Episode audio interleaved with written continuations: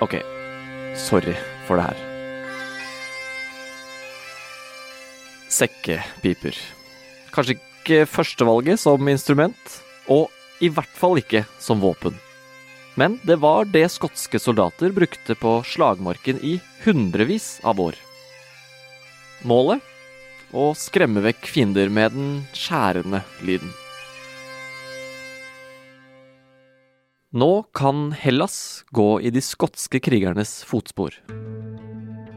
Sekkepipene er byttet ut med lydkanoner, men målet er det samme.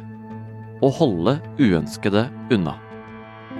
Holde migranter unna EUs grenser. For i år har rekordmange flyktninger og andre migranter forsøkt å ta seg inn i flere europeiske land. Og nå brukes nye og potensielt farlige metoder for å holde dem ute. Det har fått kallenavnet Festning Europa. Du hører på Forklart fra Aftenposten, og jeg heter David Vekoni. I dag er det mandag 20. desember.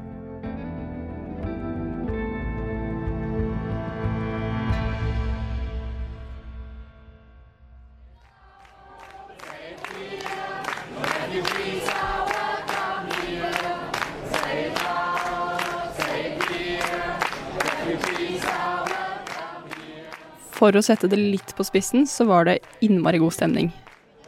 Med håp om et bedre liv begynte en stadig sterkere strøm med hundretusenvis av migranter å komme til Europa under flyktningkrisen i 2015. Den sommeren satt Aftenposten-journalist Gina Grieg Risnes mye på tog. Sommeren 2015 var jeg på interrail i Europa. Og jeg husker godt at på togstasjonene rundt om i Italia, særlig mellom Viareggio og Roma, så så vi på mange av stasjonene mennesker som så ut som de kunne vært migranter. De hadde litt slitne klær, og de gikk rundt og bar på lyseblå søppelsekker som var fulle av klær. Men de blendet veldig inn i, måte, i folkemengden. da. Det var ikke noe særlig sånn skille. Eh, og i, på bilder som kom senere, så vi at det var ganske god stemning eh, da migrantene kom i 2015. På togstasjoner i Tyskland så ble folk fotografert når de sto og holdt 'Welcome Refugees'-skilt, og ja, sto rett og slett ønsket dem velkommen. Ja, og hva er det som har skjedd siden 2015? I 2015 så kom det jo da innmari mange mennesker på en gang, og land begynte å slite med å ta dem imot. De ble satt i leirer som stadig ble overfylte, eh, og så i etterkant så fortsatte det å komme flere og flere mennesker. Så da begynte flere land å bygge murer for å hindre at de kom inn. Eh, noe som i starten ble sterkt kritisert, eh, men nå i år så har migrantstrømmen begynt å ta seg opp igjen i Europa. Det har ikke kommet like mange som i flyktningkrisen i 2015, men det er betydelig mange mennesker. Og i flere land så er det rekordmange mennesker som har kommet over grensene. Eh, og de blir ikke akkurat mottatt på samme måte som i 2015. Det er ikke noe Welcome Refugees-bånd og heiarop på togstasjonene. Eh, I dag er situasjonen ganske annerledes. Og nå før helgen så satt EU-toppene seg ned i et møte hvor de skulle diskutere hvem som skal ta regningen for å kunne styrke EUs grenser. For flere steder er målet nå blitt å holde folk ute. Og siden 2015 er metodene for å gjøre det endret. Det har blitt lagt inn mye penger og mye tid for å komme opp med nye måter å hindre at folk skal komme seg over grensen og inn i Europa på. Og EU har tatt i bruk gammel militærteknologi for å holde folk ute. F.eks. lydkanoner. Ja, hvordan funker lydkanoner? De ser ganske harmløse ut i seg selv. Det ser på en måte ut som en slags forvokst megafon. Eh, og den funker da slik at den skyter ut et innmari sterkt lydsignal som kan rettes ganske spesifikt mot grupper eller personer. Eh, og det oppleves ganske skjærende. Det det er, altså det er, vi snakker om en innmari høy lyd. En sånn her lyd. Ja, her ser vi en uh, demonstrasjon av hvordan det funker, da. En fyr som står og snakker i megafonen sin. Ja, der kom lyden. Der, ja. Det er ganske, det er ganske ille lyd å ha sånn retta mot seg. Ja, og dette var jo en relativt mild versjon. Så du kan jo se for deg hvordan det er hvis du skrur opp lyden et par-fem hakk. For lyden kan bli veldig høy. Godt over nivået som kan være skadelig. For selv om dette er lyd, så er det også en fysisk kraft rett inn i ørene. Og den kraften kan føre til både tinnitus, hodepine, kvalme og i verste fall oppkast, blod fra ørene og mer permanente skader. Og sånne lydkanoner er bare én av flere nye og kontroversielle måter enkelte EU-land nå prøver å stenge grensene på. Men hvorfor går de så hardt til verks nå?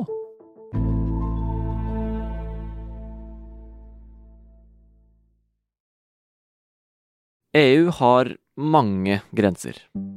Noen mot europeiske land som ikke er med i unionen, noen mot sjø, og noen mot land som det kommer mange flyktninger og andre migranter gjennom.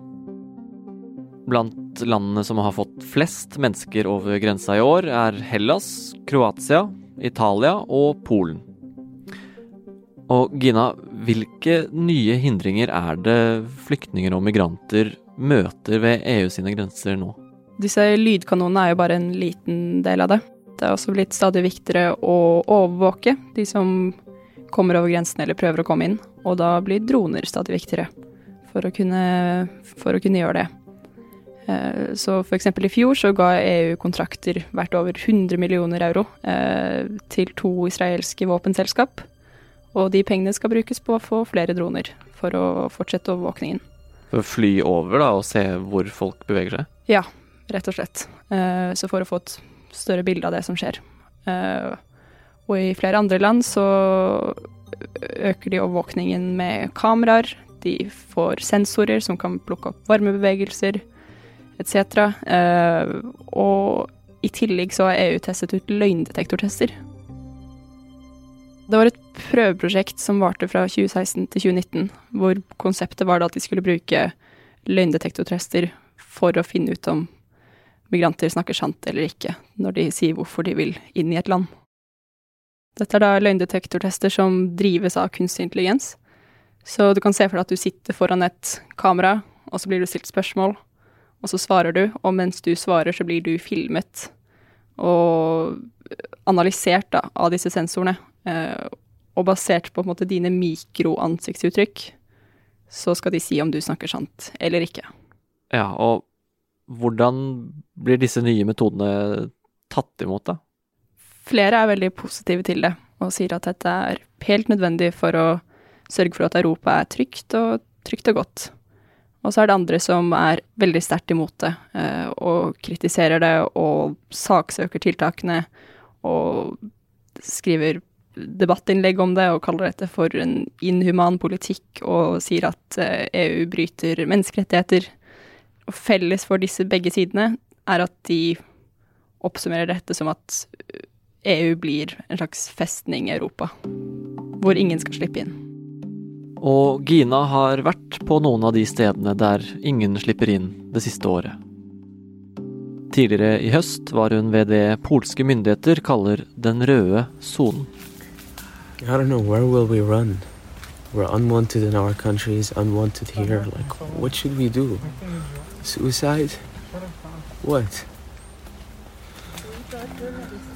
What kind of life is this? Da jeg var i Polen, på grensen til Hviterussland, så møtte jeg en dame som het Judith. Hun var gravid, og hadde da lagt ut på veien til Europa med på en måte håp om en bedre fremtid i, i magen. Men eh, der ble de jo møtt av gjerder og av piggtråd, og endte opp som en slags sånn kasteball, hvor de ikke kom seg noe sted. Så det endte med at hun eh, spontanaborterte i skogen. Som et slags tegn på det mange av de migrantene jeg har møtt, sier de møter når de kommer til Europa. Og det er knuste drømmer. Hva er det som gjør da at eh, flere stater i Europa tyr til såpass kontroversielle metoder som løgndetektorer og, og lydkanoner for å holde folk ute nå?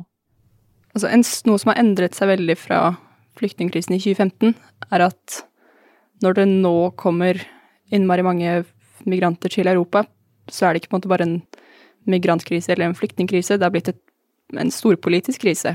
Eh, fordi mange av disse menneskene sendes inn som del av et større storpolitisk spill eh, og brukes som våpen i en eh, hybridkrig som på grensen mellom eh, Polen og Hviterussland.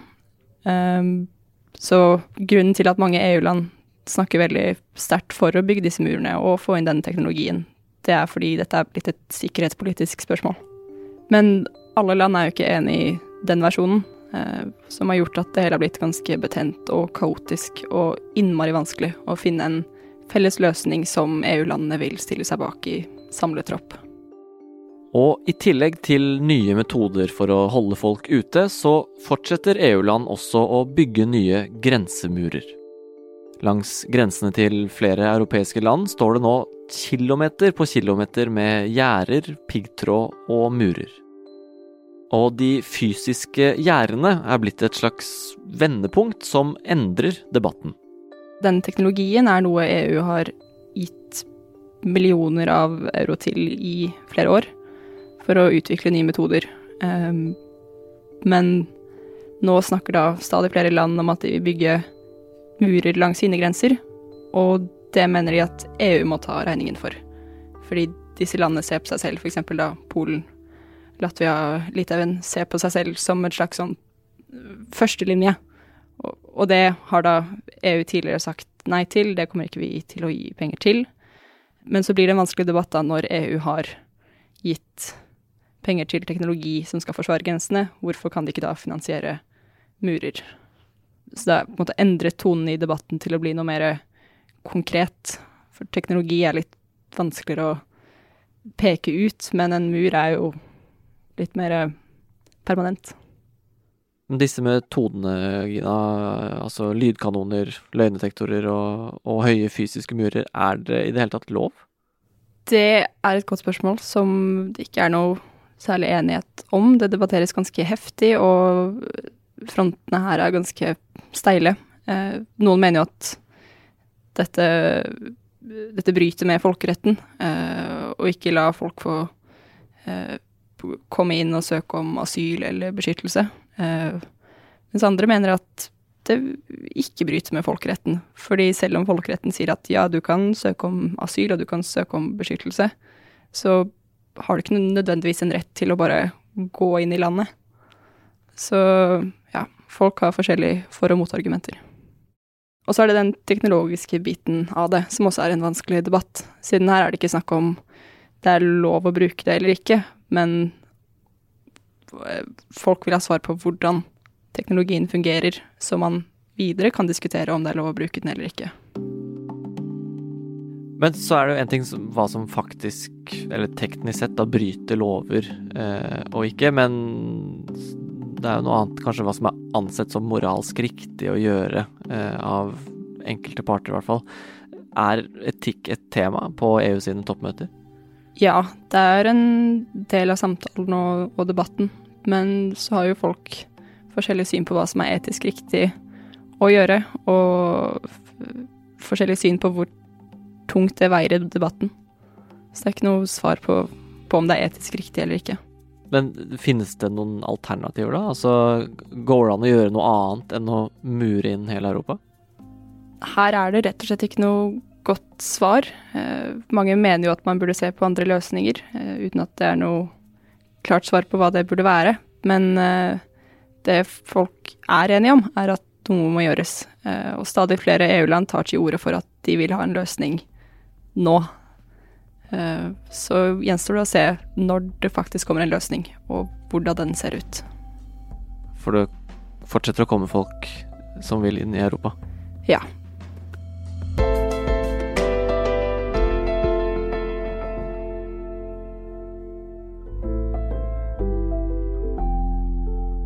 Det var Gina Grieg Risnes som fortalte om Festning Europa. Du har hørt lyd fra hennes reise til den polske grensa, og fra nyhetsbyrået AP. Det er Anders Weberg, Anne Lindholm og jeg, David Vekoni, som har laget denne episoden. Resten av Forklart er Marte Spurkland, Synne Søhol, Fride Næss Nonstad og Thea Wold Lyster.